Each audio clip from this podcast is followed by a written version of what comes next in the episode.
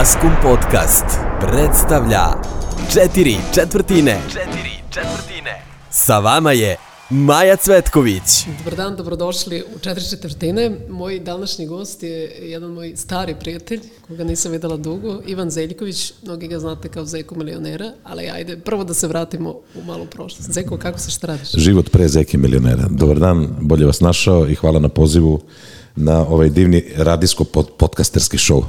Znaš šta me zanima? Ti kao mlad, gde si odrastao? U kom kraju? Na Dorčulu, brate. Na Dorčulu, tu Na Dorčulu, tu sam sine, brate, ovo Dobro. I, e, kako je išlo tvoje školovanje? Znam da si dugo bio na Dugo- geografiji. dugo si se Da, školovao. dugo si se školovao. Geografija je potrela. Da. Ovaj, otkud geografija? Prvo to, i što to posle nije bilo vezano nekako za tvoj posao, a i e, što je tako dugo trajalo? Ovaj, pa zato što ja volim geografiju, pa sam baš studiozno studirao, ovaj, ili šalu na stranu, ovaj, eh, 92. godine sam bio zaražen virusom medija i taj virus me nije napustio do dan danas i dan danas sam u, u tom me- medijskom virusu i paralelno sam uh, učio školu, znači faktički 92. sam bio neki uh, prvi razred uh, srednje škole i prvi razred uh, medijske, uh, da kažem, škole. I ovaj, obzirom da sam paralelno to studirao, nekako je uvek to više naginjalo medijima, iako moram da kažem da stvarno volim geografiju i da sam zaljubljenik veliki, ovaj, nekako su mediji odnali pobedu, ovaj, ipak eh, taj virus je bio jači od geografskog, pa mi onda fakultet nije bio toliko bitan i faktički kad sam, eh, a pričat ćemo o tome kasnije, jeli, ovaj, eh, kad sam počeo da vodim milionera, imao sam malo više vremena i skontao sam da imam 10 ispita do kraja, onda sam dao pet ispita. A onda kada sam, pre nego što sam otišao u Dubaj, o čemu ćemo još ovaj, pričati, ovaj, položio i tih pet ispita i diplomirao tek 20 godina posle upisa fakulteta. Dobro, znači uvek je bila geografija, mediji i muzika. Muzika, jest. Muzika, To su tri stvari, da. To je nešto što i sada radiš paralelno? I, I čudno za mene sport, ali ne moramo o tome, pošto to smešno sad izgleda u ovim mojim konstitucijama.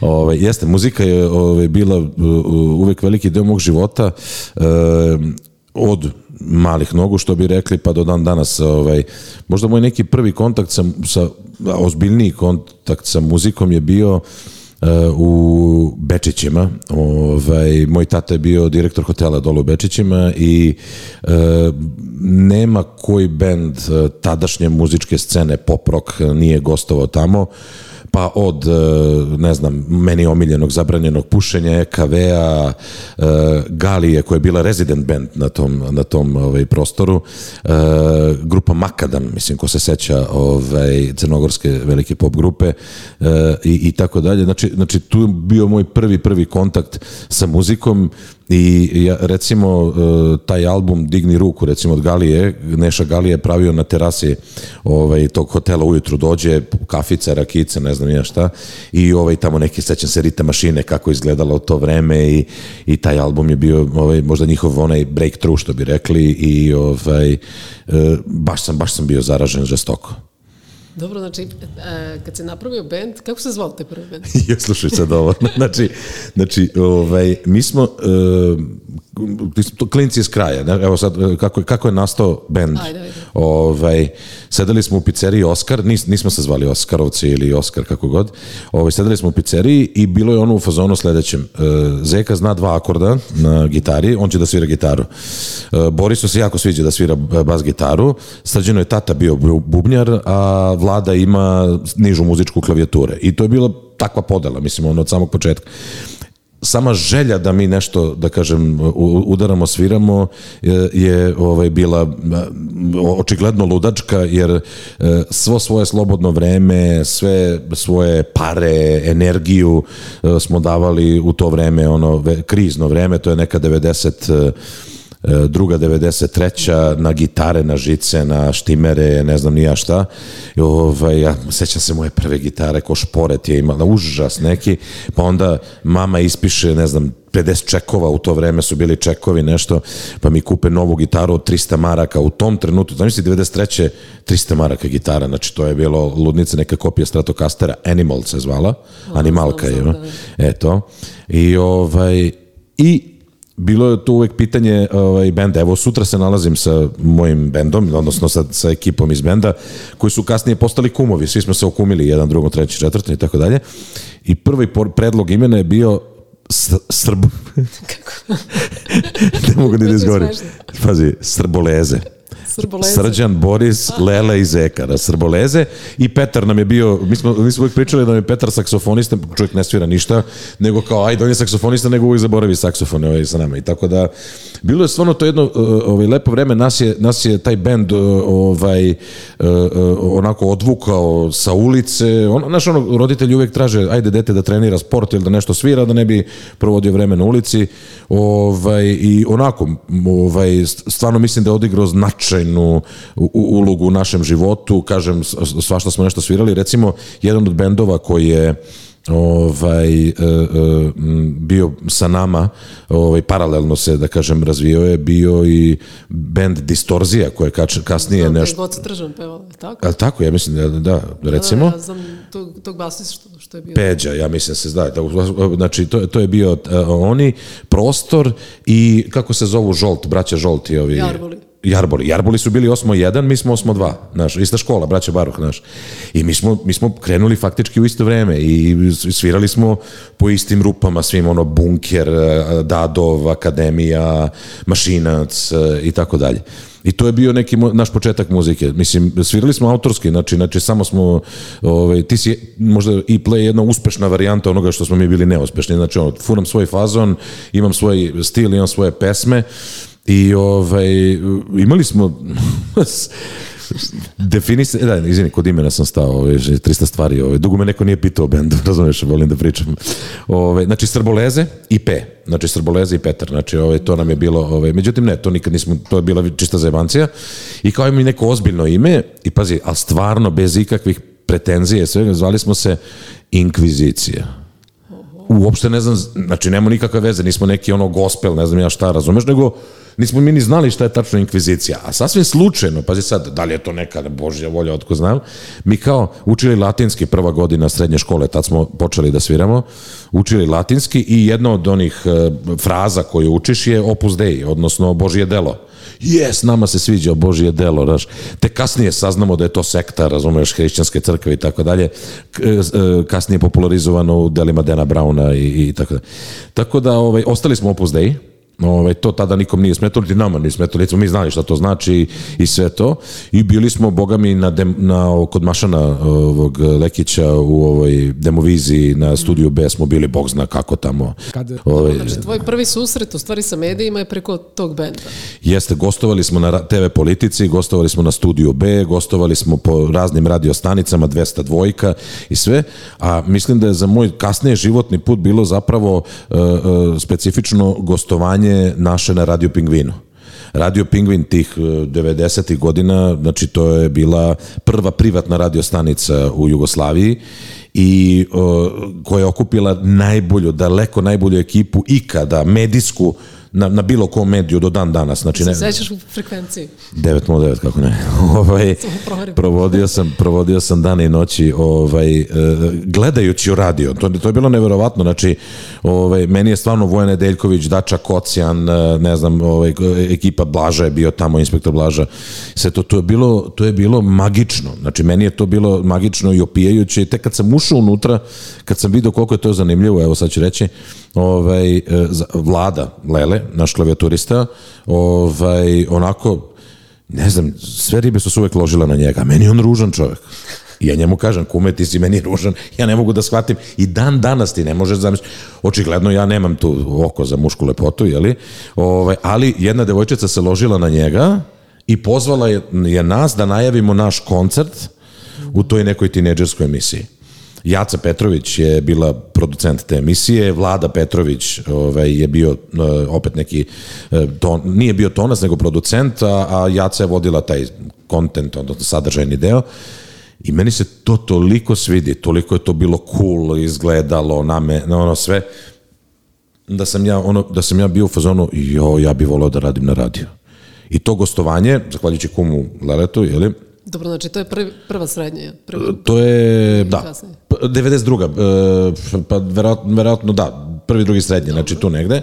Mislim da, je, mislim da je početak drugog razreda srednje, recimo neki novembar mesec i, srećom po mene, obzirom da je tata jeli, bio komunicirao sa svim tim bendovima i menadžerima i tu Radio Beogradu bio znao ljude, on je znao tadašnjeg direktora Radio Pingvina Zorana Petrovića i ja mogu da kažem da sam u medije ušao preko veze. Ovaj, kako se zove? Ja sam rekao, svidelo mi se, on kaže, evo, ide tamo. I ja sad, bil me od 17 godina, i sa, sa, u tinejdžerskoj redakciji, sve deca 13-14 godina, znači ono, ali nije mi meni bilo sve fenomenalno, učio sam od uh, najboljih, zaista najboljih ljudi, tu je bila Nataša uh, Kostić, ta sada Ristić, uh, Ivana Zarić, odnosno Boj, Bojović, je tako se tako prezivala Ivana, ovaj, Voja Nedeljković, Bogotac Znači, meni je Bojan Nedeljković bio cakom pakom lista i tamo sve što su radili oni Klein, meni je to bilo bukvalno bajka, ostvarenje svih snova. Tako da sam tako se zarazio tim medijskim virusom, a zahvaljujući bendu i to sve. Mogu ti nabavim neke pesme ako hoćeš da čuješ? Da, hoću, hoću. Da hoću, hoću, ne moraš sad. Ajde malo da slušamo muziku pa ćemo da se vratimo na neki kasni period. Popi liker, ajde popi sve Uvek linke što mi zavide Ja sam ruža u kotu crnih trnova gde Ti u poda gledaš kako venom je uh. Popi liker, ajde popi sve. Uvek linke što mi zavide Ja sam ruža u kotu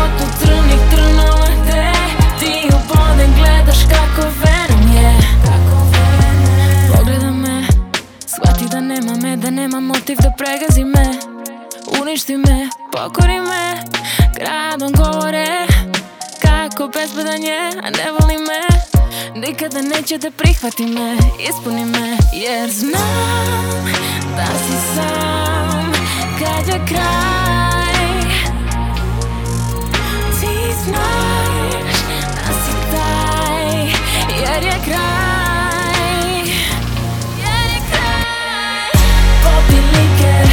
Ajde popi sve Uvek linke što mi zavide Ja sam ruža u kotu crnih trnova gde Ti u poden gledaš kako venom je. Preispitaj svoj ego Kad kažeš mi to smelo. Da to nisi hteo Da je sve to samo belo. Nemam šta da dobijem, dobijem, dobijem Aha, aha Popi liker, ajde popi sve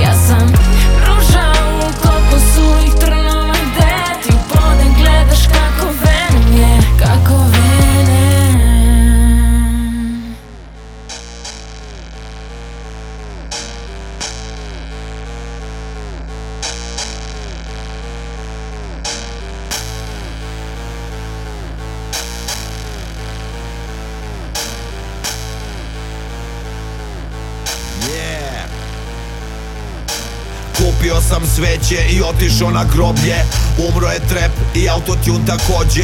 Dođite na saranu gde neće biti tužno. Doći će svi reperi i rakiju sam uzo. Autotune kremiramo za svaki slučaj. Urnu u sefu bacamo u vulkan. Neće biti popa, a ni opela Koliko je to govno, puna je kapela. Naopako postavljamo krst na grobno mesto I umesto zemlje polivamo beton. Preko venac cveća u obliku kurca. Na pola koplja zastava se spušta. Onda se ispišamo da dobro upije Da sam nije umro, moro bi ga ubijem I ko bude pokušao da ga iskopa Majka mu na dopu crncu pušila bez oka Previše, brate moji, slušali ste retarden Umro je trep, ime mekanem Sahrana je bila kakva nigde nema je. Umro je trep, komešanje Pitaju se ljudi kako brzo nestade. Umro je trep, nemojte branem Zarolajmo u to ime neke hedove Sahrana je prošla u redovima najboljim Uzeo sam ekserima sanduk ja da zatvorim umre. I sad leži s leševima raspalim Uzeo ću umor da pored rake roštelj raspalim. Bagirima prešli smo preko grobnog mesta Njegovi poleni i dalje su bez teksta. Na spomeniku gravirano tri dine života. Umreo je mlad i nije greota. Rođacima njihovim saučešće izjavim I ne kažem im hvala na rimama ziljavim i onako niko ih sutra neće znati. Pito sam ni grutina gde je after party. After je u Borči. Majzak meni reče Ponećemo tamjana, ponećemo sveće Nekim crna mačka preko puta pređe Nekim crni gavran na terasu sleće. Umro je trep i neka je Previše brate moji slušali ste retarden Umro je trep ime mekanem Sahrana je bila kakva nigde nema je. Umro je trep komešanje Pitaju se ljudi kako brzo nestade. Umro je trep Nemojte branem Zarolajmo u to ime neke hedove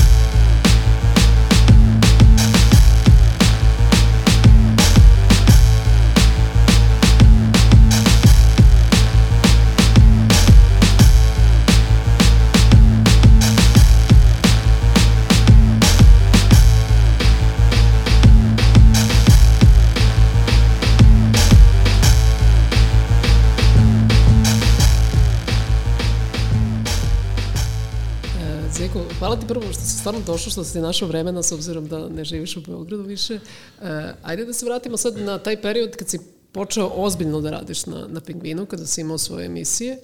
I kako ti se čini tadašnji radio i ovo što je danas? Pa, prvo moram da kažem da svako, evo i Uroš i svi koji su ikada bili na radiju, znaju da je radio jedna stravična emocija koja te nikada ne napušta. Znači to je ne, nešto što ovaj, e, je tako prisan i ja ću uvek pamtiti jedan džingl koji je bio ovaj, na Radio Pingvinu, kaže radio ti sada služi da se s tobom druži. I to je zaista ono što je radio ti sada služi, da se s tobom druži, jedan od džinglova Radio Pingvina. I ovaj, e, meni je bukvalno to radio i bio. Jer, jer nemaš, nemaš na televiziji, ipak i kasnije, ispostavit će se u mojoj karijeri, znaš, televizija, malo rasveta, malo kamera, malo, jeste moćniji medij, definitivno, i vizualni mediji eh, stvarno ovaj, su eh, moćni, ali ta emocija koju radio nosi, pa ti vidiš da šta se desilo sad, recimo, ovih, malo sam pr- preskočio temu, ali ću šta se desilo sad, ovaj, sad su svi mislili da će radio da umre kada se pojave društvene mreže. Da, i Ali je radio toliko moćan da je on uvek nalazio put. I evo sad ovaj podcast je isto neka vrsta radija, znači audio komunikacije. Ovaj, ne, da nađe, ne da nije umro, nego je ojačao i osnažio se i to, to pokazuje snagu radija zapravo. I, drugim rečima, nikad neće umreti.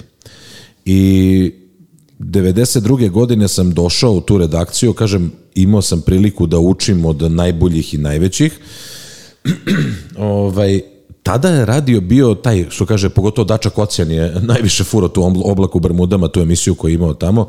Ovaj, ljudi su dolazili, provodili dane i noći ovaj, na radio stanici, družili se s njim i tako dalje. Ovaj, I, i znaš, nije bilo nešto što se danas zove formatirani radio. Mi smo uvek sanjali o formatiranom radiju, Rade Santrač, moj guru, kasnije na Radio, na radio Naksiju, ovaj, i, i, i ja i ta ekipa njegova, Klajnova, mi smo stalno sanjali o formatiranom radiju, ali ono što je ovde doneo formatirani radio je jedna pogrešna, izvrnuta slika radija koji, Da, da. koji zapravo nema toliku kreativnost, da ne pričamo o slobodi, o, da kažem, izražavanja.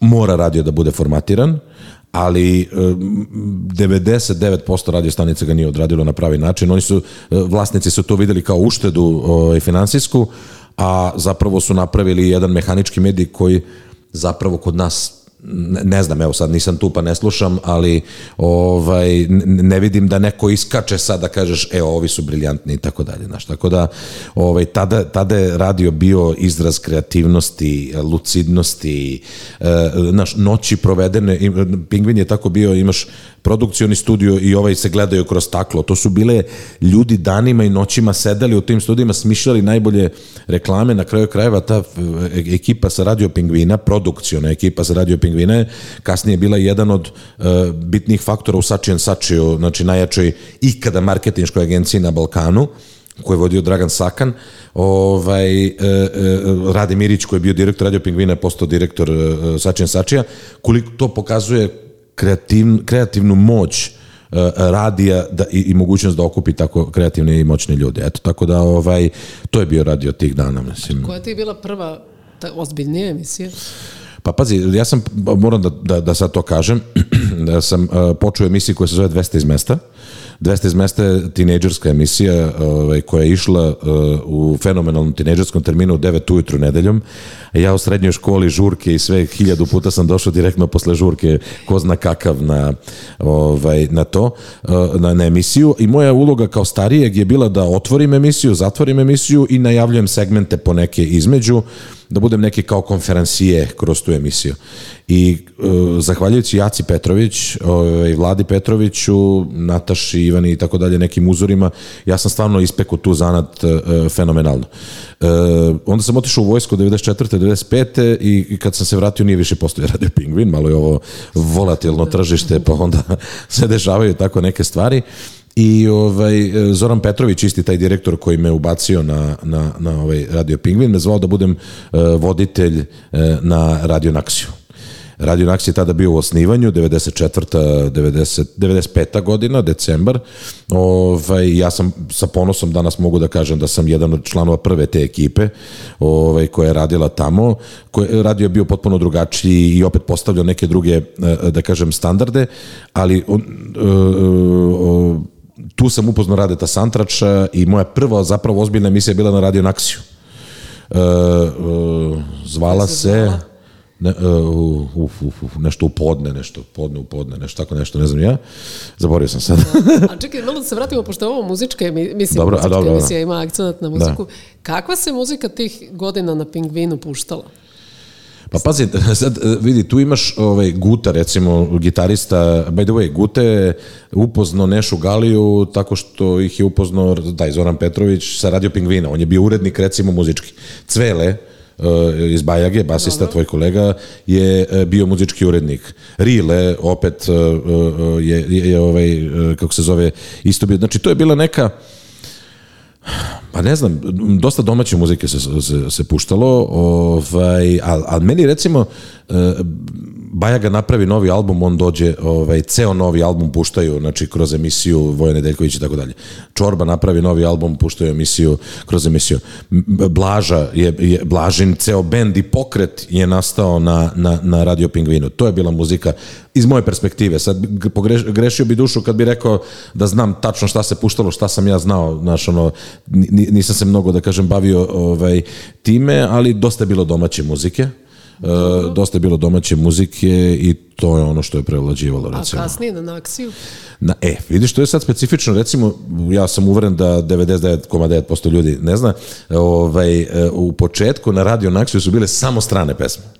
Znači nije da, bilo. Ne znam to, da. da. Da, da, da, to je bilo. Međutim, uh, mislim, da, mislim da ovo što, što, što je sada Radio Naksi je po meni najbolje formatirana radio stanica u zemlji. Uh, i Maja Raković koja vodi ovaj, Radio Naksi e, i naravno sad i Nikola i Milica, njeni, njeni, njeni sin i čerka, ovaj, po, po meni pokazuju kako radio treba da izgleda u 21. veku. Znači, mi smo počeli, jer smo kopirali neke uh, holandske radio stanice, neke satelitske, kako smo ih mi zvali, jer smo ih skidali sa satelita, pa, pa dobiješ na onoj traci, onaj LGR 30-50 koju god imaš, ovaj, dobiješ pa slušaš ono kao pa kako oni to miksaju i tako dalje I to je bio trip koji, u kojem smo mi išli. Kasnije kad smo mi otišli sa radija Naksija, onda je Naksi počeo da, bu, da, da bude uh, formatiran kako treba i da se opredelili su se za, za domaću muziku. Tako da u, na radio uh, na Naksiju tu u početku 95. 96. godina uh, bila samo strana muzika i ovaj najnovija moguća koju smo mogli da nađemo u tom trenutku i ono ne znam sad šta bi ti rekao, cardigans i nešto i tako taj fazon. Nešto, da, da, da. Čisto pitam ovako da se vratimo nazad. E, a kaže mi, si volio, volio, volio. Volio, Si volio, volio, si volio sam, šta sam ti, ja kad, nisam. se, kad uključuješ slušaoce u programu. Da, Si voleo taj to mi je bilo. Pa, mogu da ti kažem da, da mi je to mnogo značilo u karijeri. Jedna od stvari je zaista bilo, jer ti na radiju nemaš ništa drugo do glasa i sad ti moraš da napraviš ovaj, e, dinamiku razgovora, da držiš, da e, ovaj, ten, znači, znači energiju razgovora i sve ovaj, ne videći čoveka i, i stvarno smo pravili ne, svakakve uh, uh, uključenja su jedan od osnovnih elemenata radija na kraju krajeva i intervjui sami po sebi. I kasnije mi je to u karijeri mnogo pomoglo jer kad sam bio kandidat za vođenje milionera ovaj, e, moja najveća prednost je bilo to što sam ja deset godina pre toga učio i ono e, e, dobio da kažem i lekcije i, i, trenirao se da vodim razgovor sa nekim a to je u milioneru suština znaš, da ti znaš kako da vodiš razgovor i to je bila neka prelomna e, tačka da ja dobijem taj posao Ove, za mnoge je to izgledalo e, ovaj pao s neba, evo ga sad tu kod jednom one, Super mu ide. Da, da, da, kao kako se kaže, nije one hit wonder, nego uh, preko noći. Preko noći, ali 10 godina je trajala ta noć, znaš. ovaj, pa ja sam radio ankete po Knez Mihajlovoj sa diktafonom na minus 20, zalede se diktafon, ono ja, sad tvoj posao da skupiš jedan, jedan sat materijala, da bi napravio jedan minut ankete, znači jedno dva sata materijala moraš da ideš i da pitaš ljude, ne znam, pitanja neke i tako dalje. Pa onda bila 93. menjale se cene, ja se javljao u program kod Nataše Kostić tada, ovaj, Istić sada, ovaj, sa Belonove pijace, odem do Belonove pijace, popišem cene, vratim se tramvajem Da kući i ja, i ja izdiktiram koje su cene, pošto se to menja svaki dan, razumeš? Izdiktiram koje su cene, koliko su devize, ne znam ja ovo ono, I to, to je bilo moje odrastanje, to je bilo, moje sazrevanje i učenje medija kao takvog. I mislim da sam stvarno imao sreću da učim od najboljih. Eto, to je... Ništa, ajde da slušamo još malo muziku pa ćemo da se vratimo na milionera. Vrući u gradu, a još prelije sa novitetom. Lubric Pikuj mi pišurka. Na sedmom mestu liste najvećih hitova svih vremena ikada. Posljednja šansa ako ne bude prošlo. Prestajem da repujem i idem nađem posao. Ovo sviranje kursu stvarno ne mogu više. Hoću da imam neke pare i da karam neke pičke. Pijem ispred kluba u klubu žickam za piće. Pa mi devojke kažu da nisam iz njihove priče. A znam da bi jedan hit rešio probleme. Uljemo u prazne sveske predložemo teme A sve čega se setimo nekako je me. Brate te bra mogli bi, a brate te bra ne. Treba nam nešto što će na keca da sabija Da se loži cela Srbija i bivša Jugoslavija. Na torci žene, djeca, ortaci, pičke, babe. Pa kad otvoriš frižider, da čuješ tri barabe. Ništa nismo smislili pa smo snimili neko njesra Da ne ispane da smo se do studija cimali za beđa Sledećeg jutra, uza lista mogla se da vidim Da li Tebra nude neke dobre poslove. Nisam našao ništa pa sam uzeo kasetu Dao je Đankić u nadi da će da je pusti na gertu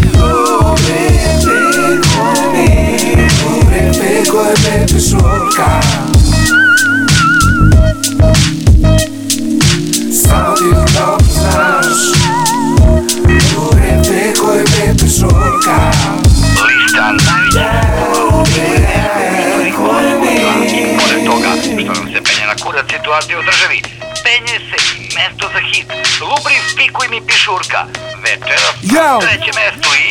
Reperi nam daju respekt, baca pej U klubu kad se vidimo kažu najbolji ste DJ Goce, Eski Kaldeš Traži savjet dajem i uzno zvuči ovako fresh. Lubni pikuj mi pišurka je sada hit. Niko nema takve rime, niko takav beat Telefon je zazvonio tad Istorije počinje i počinje te rad. Nastupe po reki ono sad ili brate. Kritičari kažu da smo razbili brate. Na radiju nas puštaju, prekinu pa vrata Pa puste još jednom i tako ispunili su sati. Kao virus iz Beograda, zarazili smo strance. Pa su raširili pesmu i zarazili zemljake Sad se lubrifikuje u Rimu i Parizu. Porasto je uvoz lubrikanata u Kinu.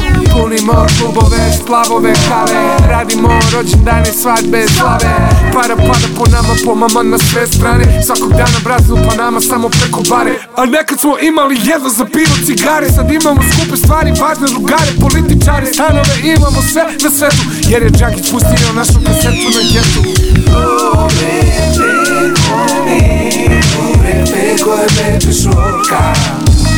Lubrifikuj mi pišurka sedma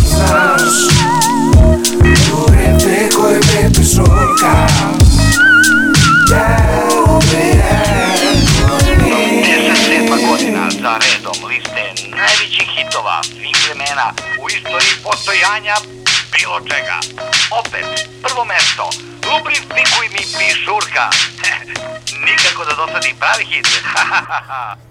I sad smo svi doživeli 90 godina Zato zahvali smo pesmi koja nas je probila. Naručujemo, trošimo kiseonik boce. U venu nam ubacuju sveže krvi kofe. Posle saune masaža s devojkama pissing Lubrifikuj mi pišurka i dalje je na listi. Zato nam se može i zato tako radimo. Punili smo hale i skoro svaki stadion. To i dalje traje, nikad neće stati. Lubrifikuj mi pišurka, svima poznat klasik. 70 godina i redko ko to pamti Od kad nas je na getu prvi pustio Džankić Milion i po evra od autorskih prava. To je samo uplata za prošlih mesec dana. U dvorištu Trilava, iguana lama. Od jednog hita živimo tre kralja bega cara. Keramički nam zubi, implantati platina. Lubrifikuj mi pišurka sve nam je to platila. Pesma što će večno biti u analima. S Jupitera čestitke šalju nam signalima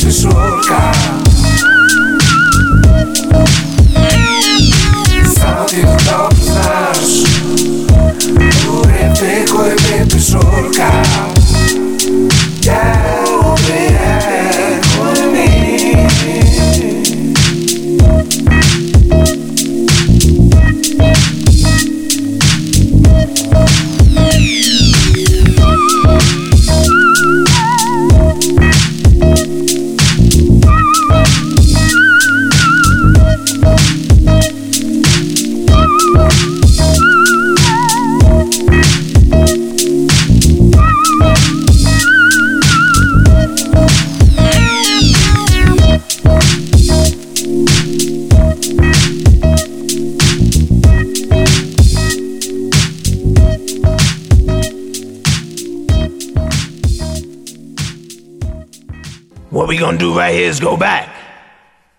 Way back. Back into time.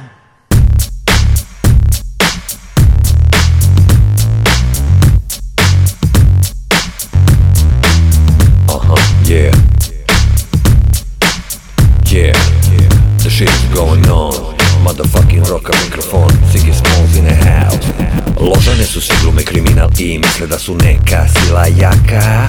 A moje moto šljaka jer princ sam od medaka plus sam cool like a motherfucker. U diskoteci bila si u zizi sigurno jedno 24 sata. Kada uzeo sam ja mikrofon i počeo da kidam odmah posle Eufrata. A lančina mi zlatna oko vrata ukrašena sa kristali Svarovski Opini baca mađije, ja kao potez DJ Ramatenovski a zlatina na od šampanja mehurići To gotive pičići Ne prestaje žureza, zato moj ne kući ići Jer pristižu gramići Na gramofonu DJ timbe vrti samo odabrani disco fan klasici. Helikoptere i špage pravim, ajmo ruke gore svi i nek se čuju krici Dileri svima lajne crtaju, jer kurave to najviše od svega vole. Svi mi viču, ajde opet ono sukama uradi mikri kao džogani čole Nije groznica u subotu, a ga lomim ja na floru kao John Travolta. A kad te privedem na gajbu, baby, blajve ćeš ga sve sa navojem kontra. Majk, gramofon, ploča, meda, kotež, a i boča Roka mikrofon ko Biggie, kure, IC cigi, šampioni večiti u ovoj su ligi. Kažem jedan, dva, jedan, dva, tri Do jutra niko ne zna koliko duguju mi. Ne nosim plašt, al sam zato noću superhero Roba je čista, majke mi je nisam diro Mi smo na mikrofonu, DJ gramofon i sviro. Pred izlazak u klub, mnogo sam si autiro. U našem klubu disco, funko, darče, gangsta, folk Na žurezu dođi and bring that coke Jer to su kure, ice i mikri rom Beat don't stop till the break of dawn.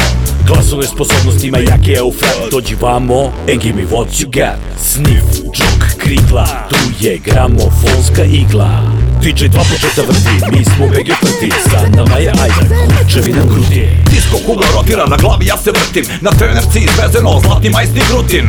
I uvek tebra znaj da najjači je žur Kada ploče vrti skrečuje, timbela šakur. Grafiti breaki, drugi elementi Spušimo se utru sa mikrofonom spretni. I limunati, stare škole repa Pičke kad nas ljube, svaka mora da je lepa. Opet smo na traci Jedan, dva i tri Pet kopi prti beke, znaš da najbolje je tamo gde repujemo mi. Brekujemo profit, samo super novi sveži gangsta stilovi. Vrtim se na laktu, kolenu i kuku, sve što nikad niste videli. Samo kad se setim onog dana kada bio sam u bolnici ja rođen. Osoblju i prisutnim jeziku baturar celu noć puštao sam ploče kada sam prohodao pravim stazama hip-hopa ja sam rešio da pođem Odmah ostavio sisu, odmah bacio sam cuclo, uzo mikrofon da glođem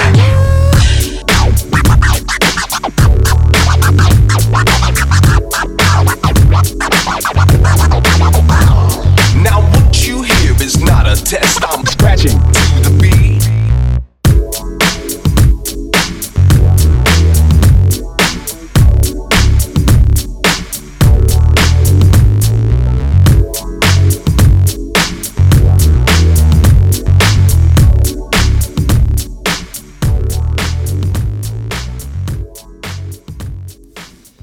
Zeko, kaži mi, kada je, e, kako je došlo do tog milionera da se ti nađeš uopšte na tako jednom sad potpuno drugačijem poslu nego što je bio radio do tada?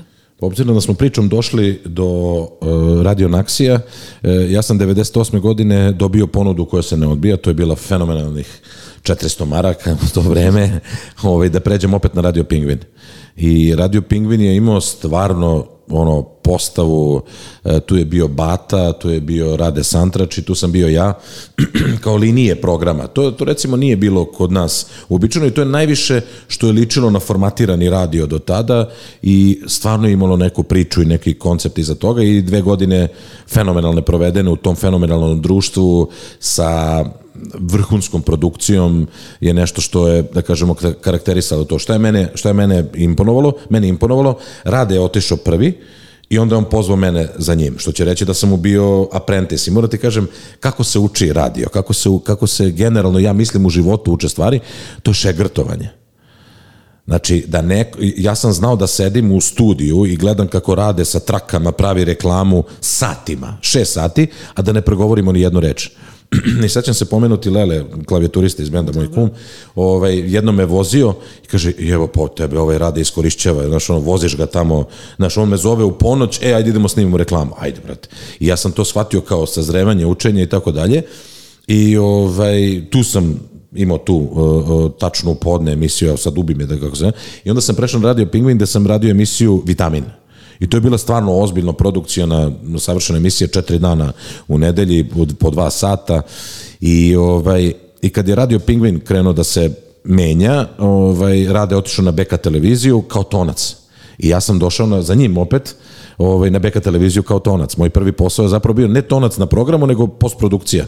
Mi smo bili prvi postprodukcioni studio uh, uh, u, u Srbiji, jeli?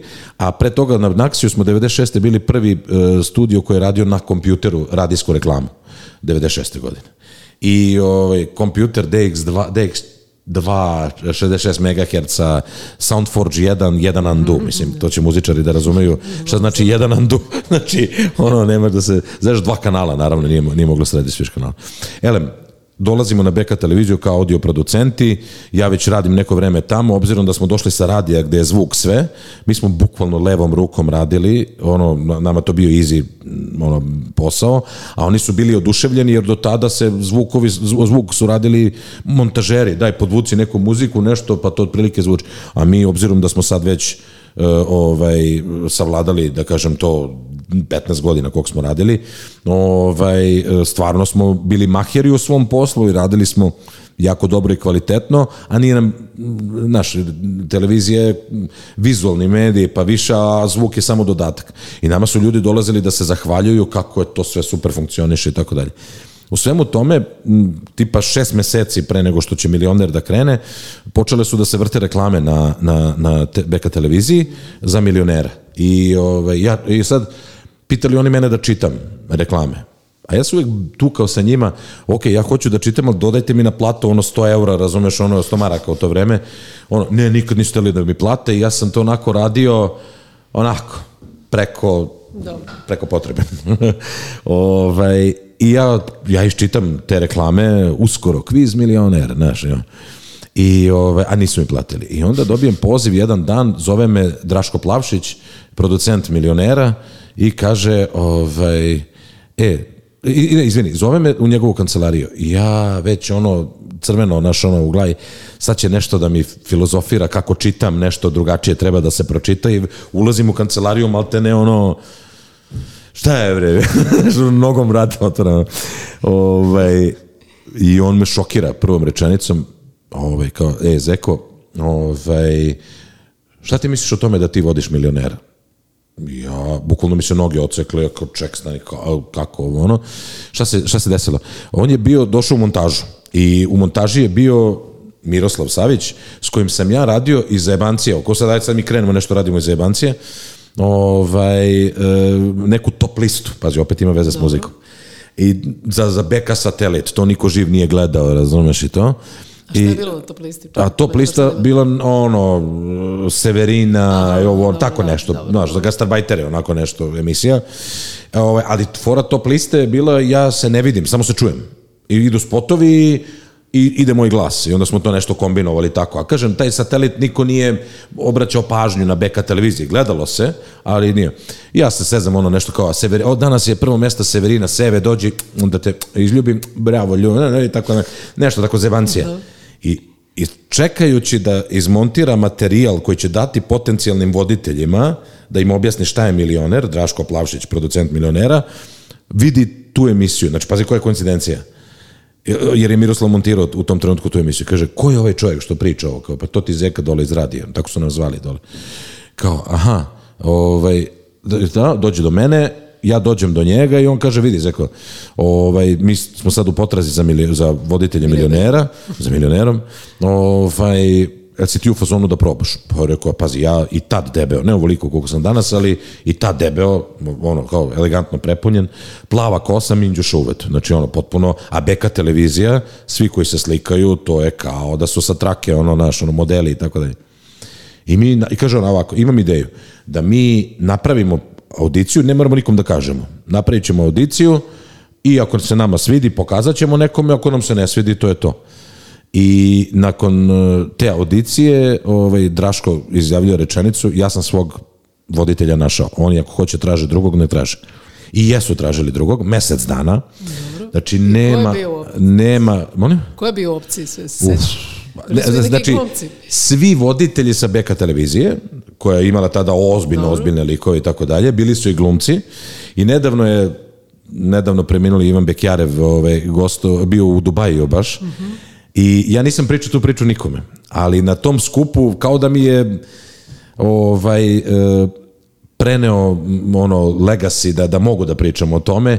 Ovaj, on je rekao ovako, izašao na scenu i kaže, e sad ja sam ga najavio, tamo je zamolio organizator, nemam ja veze s tim koncertom, nego sam došao da vidim Bekjareva i on me zamolio možda najaviš, ja ga najavim i on kaže, i sedim sad u prvom redu i Bekjarev kaže, samo da znate, kaže, ja sam bio posljednji izbor Bogoljuba Karića za milionera, a ovaj kako se zove a, kako se zove ipak je Ivan dobio i mislim da je dobro što je dobio kao ovaj i to jeste tako recimo on je bio baš baš zadnji kad meni Bogoljub kaže Zeljkoviću ne znam da da izaberem tebe ili ovog Bekjareva.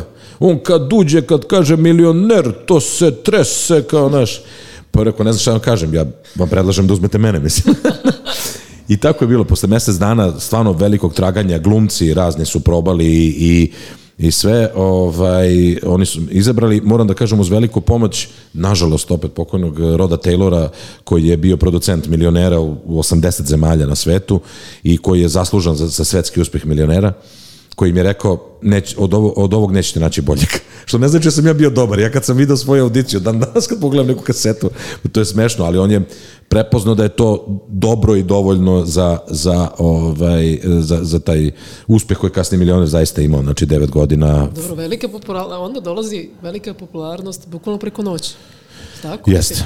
Lice Sećam se, prepoznaje. sećam se, sećam se, uh, da, ovaj, uh, što kaže tvoj kolega, ovaj, zna me sa, sa pingvina. To me znalo, ti, ti me znaš sa pingvina. Mislim da je to zanimljiva priča kako smo se mi upoznali. Da, pa da, mi smo se upoznali pingvinu. Da, na Pingvinu 90, u toj emisiji Vitamin koju sam imao i, i ti si bila pobednica Demo Festa. Koje godine? 98. 90, ja mislim 9. ili 8. Ne znam baš kad sam bila kod tebe, ali 98. 90. Ne, ne, čim, si, čim je bilo, to je bilo tipa, osad si osvojila, nedelju dana kasnije, tako nešto si došla do mene.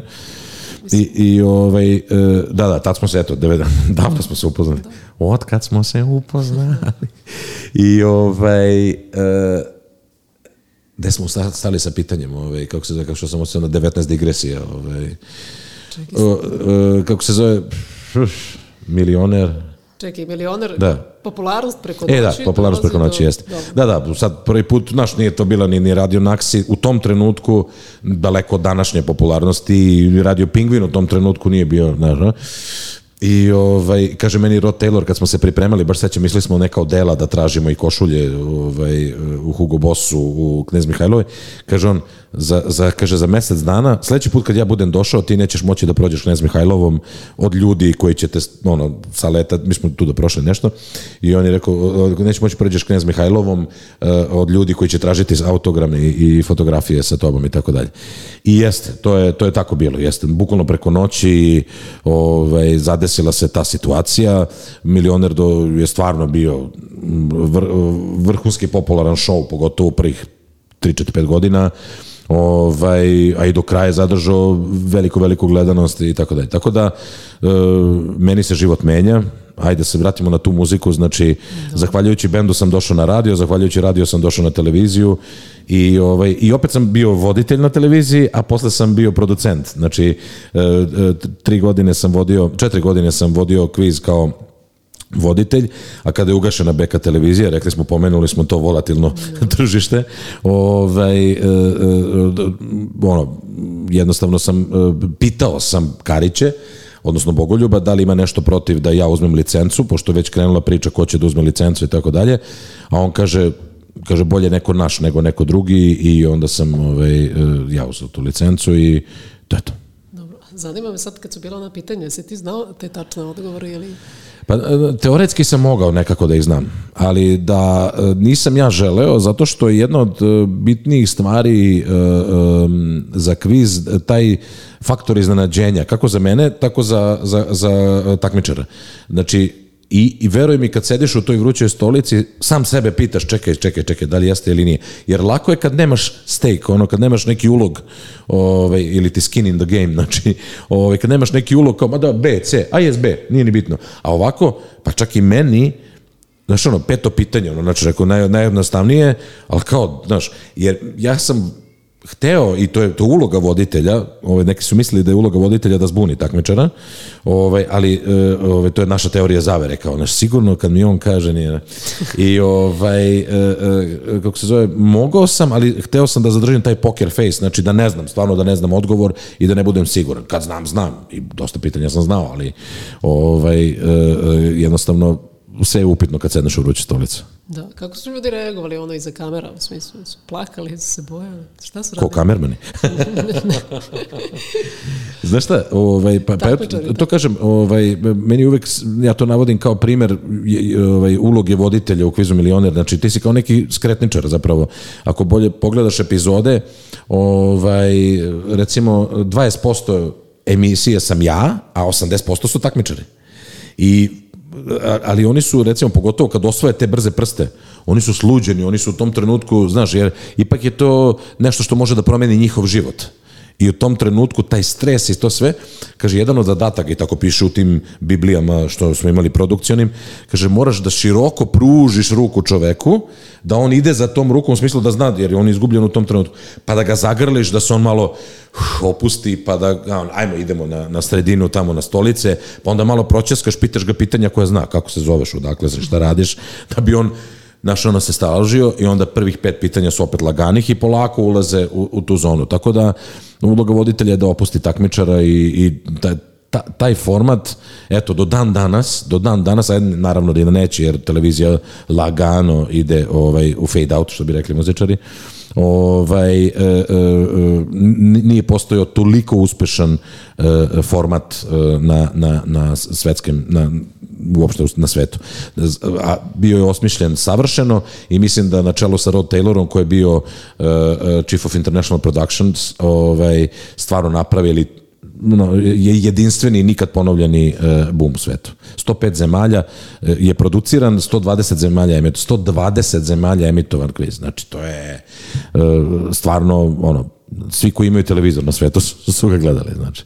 I gde god, dan danas, da, da, da zanimljivo je, ovaj, jedan od prvih ljudi koji sam upoznao je čovek, kaže, ti si meni nešto poznat, znaš, u, u Dubaju. O, zapravo upoznao sam ga u Abu Dhabi, ali čovjek iz Dubaja. A on producent televizijski, ti si meni nešto poznat, ti si meni nešto poznat, znaš, ja. I kao, pa ne znam, nisam nikad, kaže, ja mu kažem, radio sam milioner, pa kaže, ja sam bio, on čovjek bio producent milionera u Saudijskoj Arabiji, Elijas Hashim, i ovaj, e, bio producent milionera, njima su Englezi slali naše trake, da im pokažu kao šta znači dobra, kao primer dobre produkcije. Znači ono jedan od, ne samo naših, ali mi smo bili jedna od deset najjačih produkcija u svetu ovaj milionera. I ovaj za, zahvaljujući Tanji koja je vodila, koja je bila producent od prvog dana, a zvanično moj partner i producent u mojoj produkcijskoj kući, ovaj, koja je stvarno napravila od toga fenomenalnu stvar, naravno i Karićima koji su uložili i videli potencijal u tome. Ovaj, I čovjek me ladno prepozna, čovjek, u Saudijsku Arabiju mu slali da, da gleda milionera. I dan danas gde god kažeš milioner, naravno, ovaj, to, to je jedna stvarno fenomenalna uh, stvar koja, eto, promenila je moj život i, i samo nabolje i, i stvarno sam zahvalan i Karićima i kome god treba. Dobro, ajde da slušamo malo muziku, da slušamo neke nove maskom bendove. Do tvoga srca ostao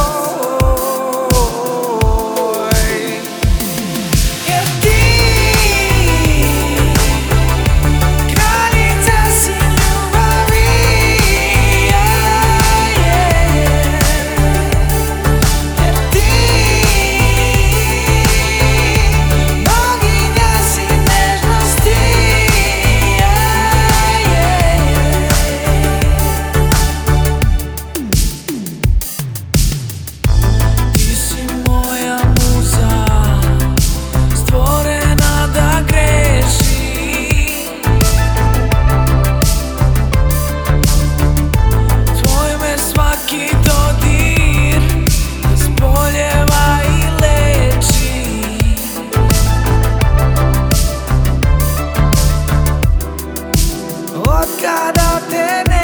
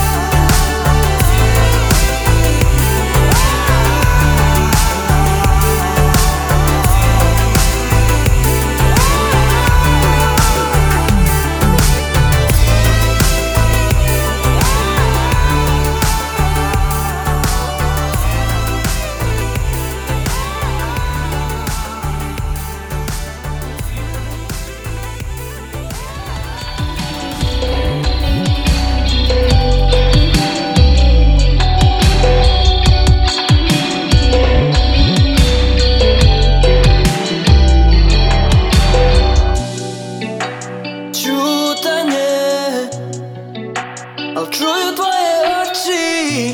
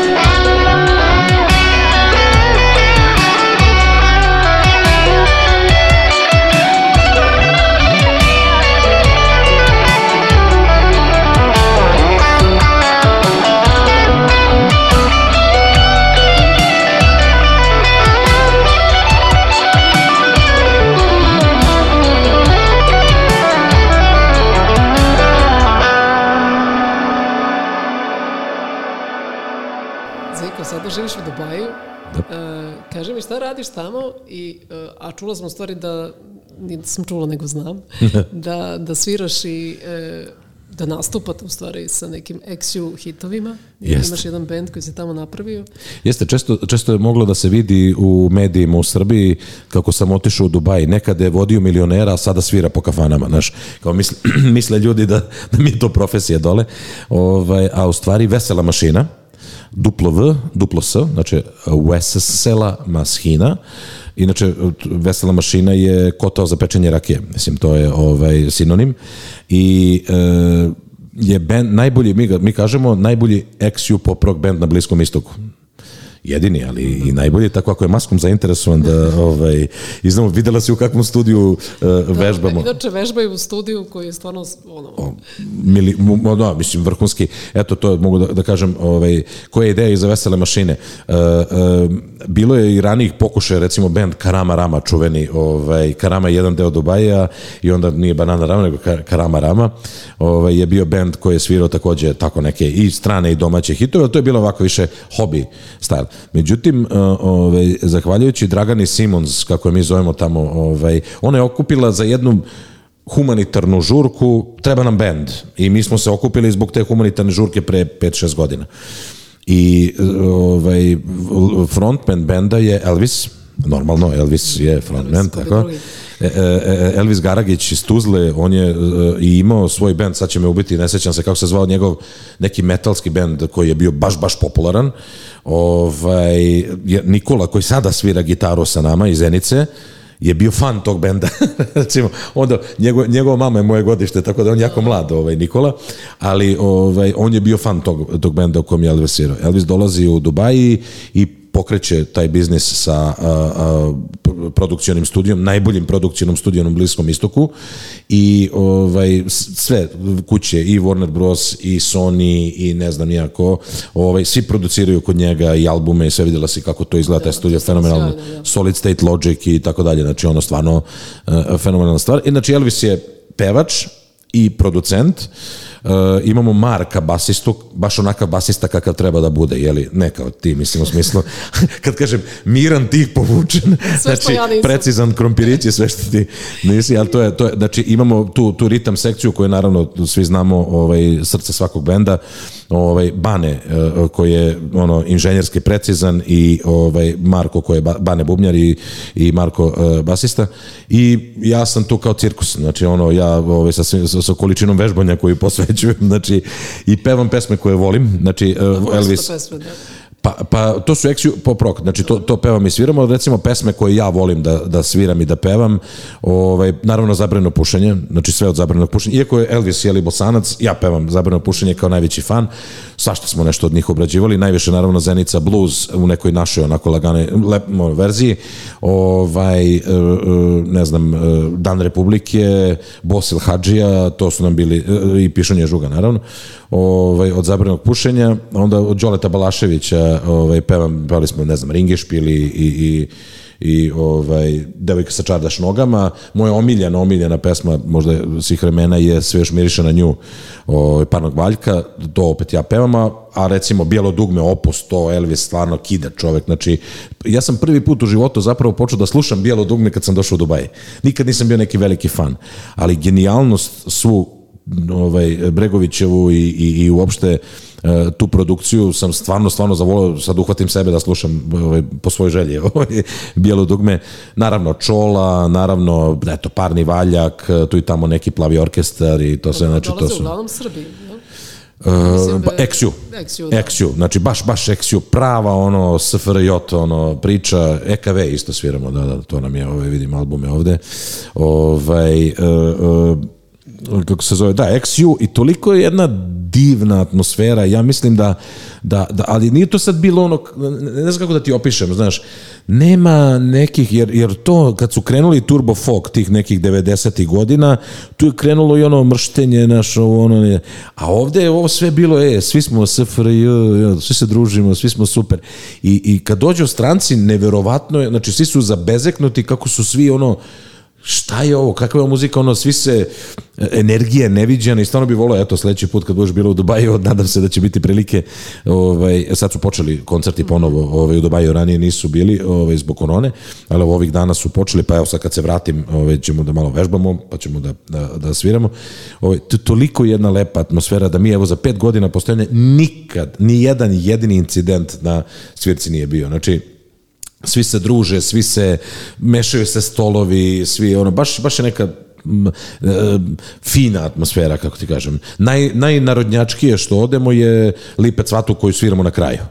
I ko hoće posle neki ide hoće, razumeš, na, neke druge svirke, ali Lipe cvatu to nam je ono ovaj e, stvarno iskorak tako da tako da ovaj predivna atmosfera zahvaljujući Elvisu koji je Garagiću koji je ozbiljan ozbiljan ozbiljan producent ono baš čovek je muzičar ceo svoj život a taj studio koji ima i sve stvarno pravi ovaj ovaj ozbiljne stvari on je nas uterao u red. Evo sad kad su pustili ovaj, sa, ove sankcije, sam teo kažem, nije sankcije, nego o, mere, mere zbog o, covida, kad su e, ok, može band, kaže Elvis, prvo u studio mesec dana, znači da vežbamo i tu se peglaju, znači ono, ovaj, sve, ovaj, i onda tek izlazimo na scene. Stvarno, nije što sam ja stvarno, stvarno to lepo zvuči ono, i, i, i baš sam ponosan i zadovoljan što je to deo mog života. Svi, svi koji su u bendu, by the way, to je bitno reći, svi imaju svoj posao i svima je to dodatak, znaš, ti radiš do 7-8 uveče i onda onda proba od 8 do 11, znači ono, baš je kidanje onako, za, ali stvarno vredi svakog ono, ovaj, svakoj kapi znoja. A kaži mi, da li možda poznaješ neku uh, alternativnu tamo rock and roll scenu u Emiratima? Ali to postoji uopšte? Kako oni imaju, jel neguju takav zvuk neki? Pa ni, znaš kako, što se tiče kulturno-umetničkih dešavanja, mislim da Dubai malo kaska, znaš. Da, to sigurno. E, ovaj, ti u metropolama kao što je London, kao što je New York, e, e, da ne pričam LA i tako dalje, imaš nešto ovaj, e, što što, što je onako e, e, taj otklon ka kulturi i tako dalje. E, Tek nedavno je opera sagrađena ovaj, u Dubaju i to je neki komercijalni pristup koji zaista ne može da se meri sa ovim koji mi imamo ovde. Samim tim ni- nije neka scena. Recimo, ovaj, im- ja sam zaista imao tu čast da u bendu našem, pre Nikole, kog sam pomenuo ovaj, iz Zenice, ovaj, gitaru je svirao Igor Paspalj. Igor Paspalj je ovaj, proglašen za najbolje gitaristu na svetu onaj JTC magazin neki za, za gitariste ili za šta god o muziku e, je ga je proglasio najboljim gitaristom na svetu. Evo ga sad ima kurseve neke ove, svetske i tako dalje i, i stalno smo konstatovali kako je Dubaj mali za njega i kako on e, ovaj nije. I stvarno je, jeste tako mislim ja ne znam ali nema nekih e, Dobro, ali ima, postoje veliki koncerti, tipa Lady Gaga ili tako da, nešto. da, da, da, koncerti veliki postoje, sad to nije neka alternativna scena, Da, ovaj, kako dobro, zove, ne, ne postoji autohtona a, alternativna scena, ali postoje, dolaze najveće svetske zvezde, ja sam bio oduševljen koncertom Robbie Williamsa, recimo, bili su Gansi, sad su bili, ne znam, i tako, dođe, mi, oni kao recimo, ako je Amerika jedan, a ovo je drugi ili treći stepenik, e, da kažem, između Australije i ono, znaš, kao na putu, ajde održimo koncert i u Dubaju, i dolaze velike zvezde, ima taj uh, jazz festival kao ovaj, u, u, u, u Dubaju koji je sve sem jazz festival. Znači ono Mariah Carey ne znam ko je gostovao ovaj, i tako dalje. Tako da ovaj m, ima, ima svetskih koncerata ima svetskih koncerata. To je činjenica evo moja čerka sad nada se da će pazi ovo nada se da će One Direction da se ponovo skupi i da će oni nada se da će Louis Tomlinson i ovaj kako se zove Harry Styles je li da ekipa da dođu i da će ona da bude tamo i da drži transparent ono udej se za mene i to oženi me i tako dalje. Ovaj e, tako da dolaze dolaze. Evo sad malo korona je bilo stalo ali baš može da se izabere za, za svakog po nešto znaš tako da živa je scena Dobro, hvala ti puno što si bio, hvala ti što si izdvojio vreme, znam da nisi ovde mnogo hvala ti što si me trpele znaš kako verbalno ovaj kako se zove napadan čovjek šta da. Nadam se da ćemo se družiti još, pa ćemo Da. se i vidjeti uskoro. Vali, pozdrav za sve slušalce. Čet, četiri, Četiri, četiri, čet- četiri. četiri četvrtine. Pa de baš četiri, četiri, što nije sedam os- nešto zahtevenije, 12 osmina, nešto. Pa zato što je ovo najteže da se izgovori. Aj, probaj da kažeš brzo. Četiri četvrtine. Četiri četvrtine. A, dobro. Hvala ti puno. Hvala tebi. Četiri četvrtine. Četiri četvrtine.